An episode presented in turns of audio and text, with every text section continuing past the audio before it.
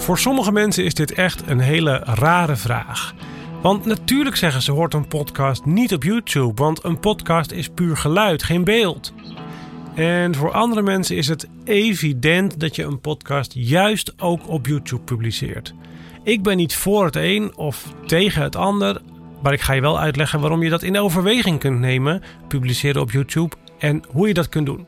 Dit is Kennisbank aflevering 65. Moet ik mijn podcast ook op YouTube publiceren?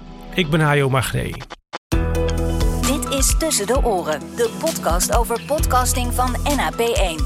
Wij maken audiocontent. Ik heb het al eerder gezegd, hè, dat beeld een steeds grotere rol speelt bij podcasts. Luister daarvoor maar eens naar aflevering 2 van deze serie. Steeds meer podcastmakers hangen een camera op in hun podcaststudio en die publiceren dat wat ze maken ook meteen in een versie met beeld, die ze dus mooi op YouTube kunnen zetten. Dat klinkt natuurlijk logisch dan, omdat hey, als er beeld is, dan moet het ook op YouTube.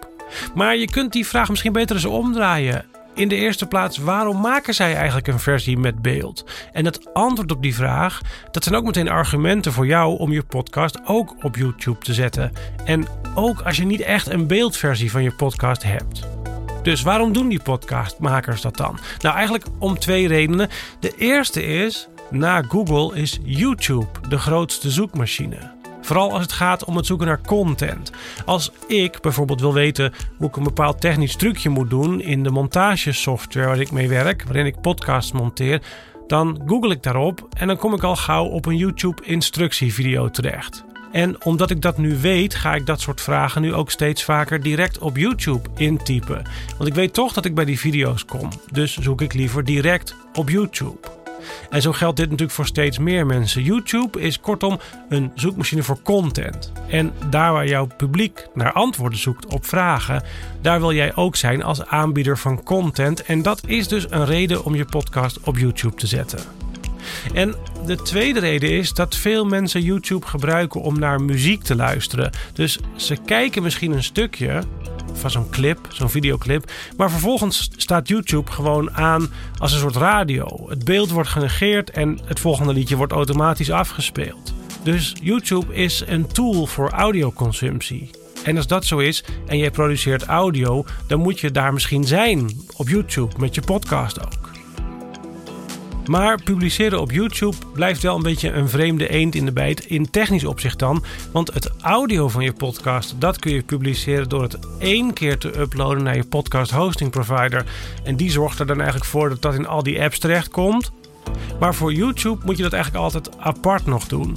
En de tweede soort van onhandigheid hierbij is natuurlijk dat je ook een videoversie van je podcast moet hebben. In het uitgebreide geval betekent dat camera's in je podcaststudio ophangen en daadwerkelijk een beeldversie maken van wat er plaatsvindt, dat je dat ook mee opneemt. Maar een wat simpelere manier om te doen, minder mooi hoor, maar wel veel simpeler, is een video produceren met een stilstaand plaatje.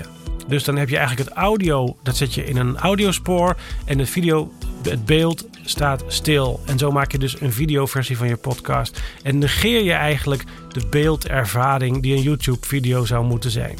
Nou, ik ga je verder niet helemaal uitleggen hoe je dan een video naar YouTube moet uploaden. Het enige wat ik daarover wil zeggen is dat je er een YouTube-account voor nodig hebt. Je Google-account is daarvoor vaak al voldoende. En vervolgens kun je op internet wel vinden hoe je dat dan voor elkaar krijgt. Dat was het.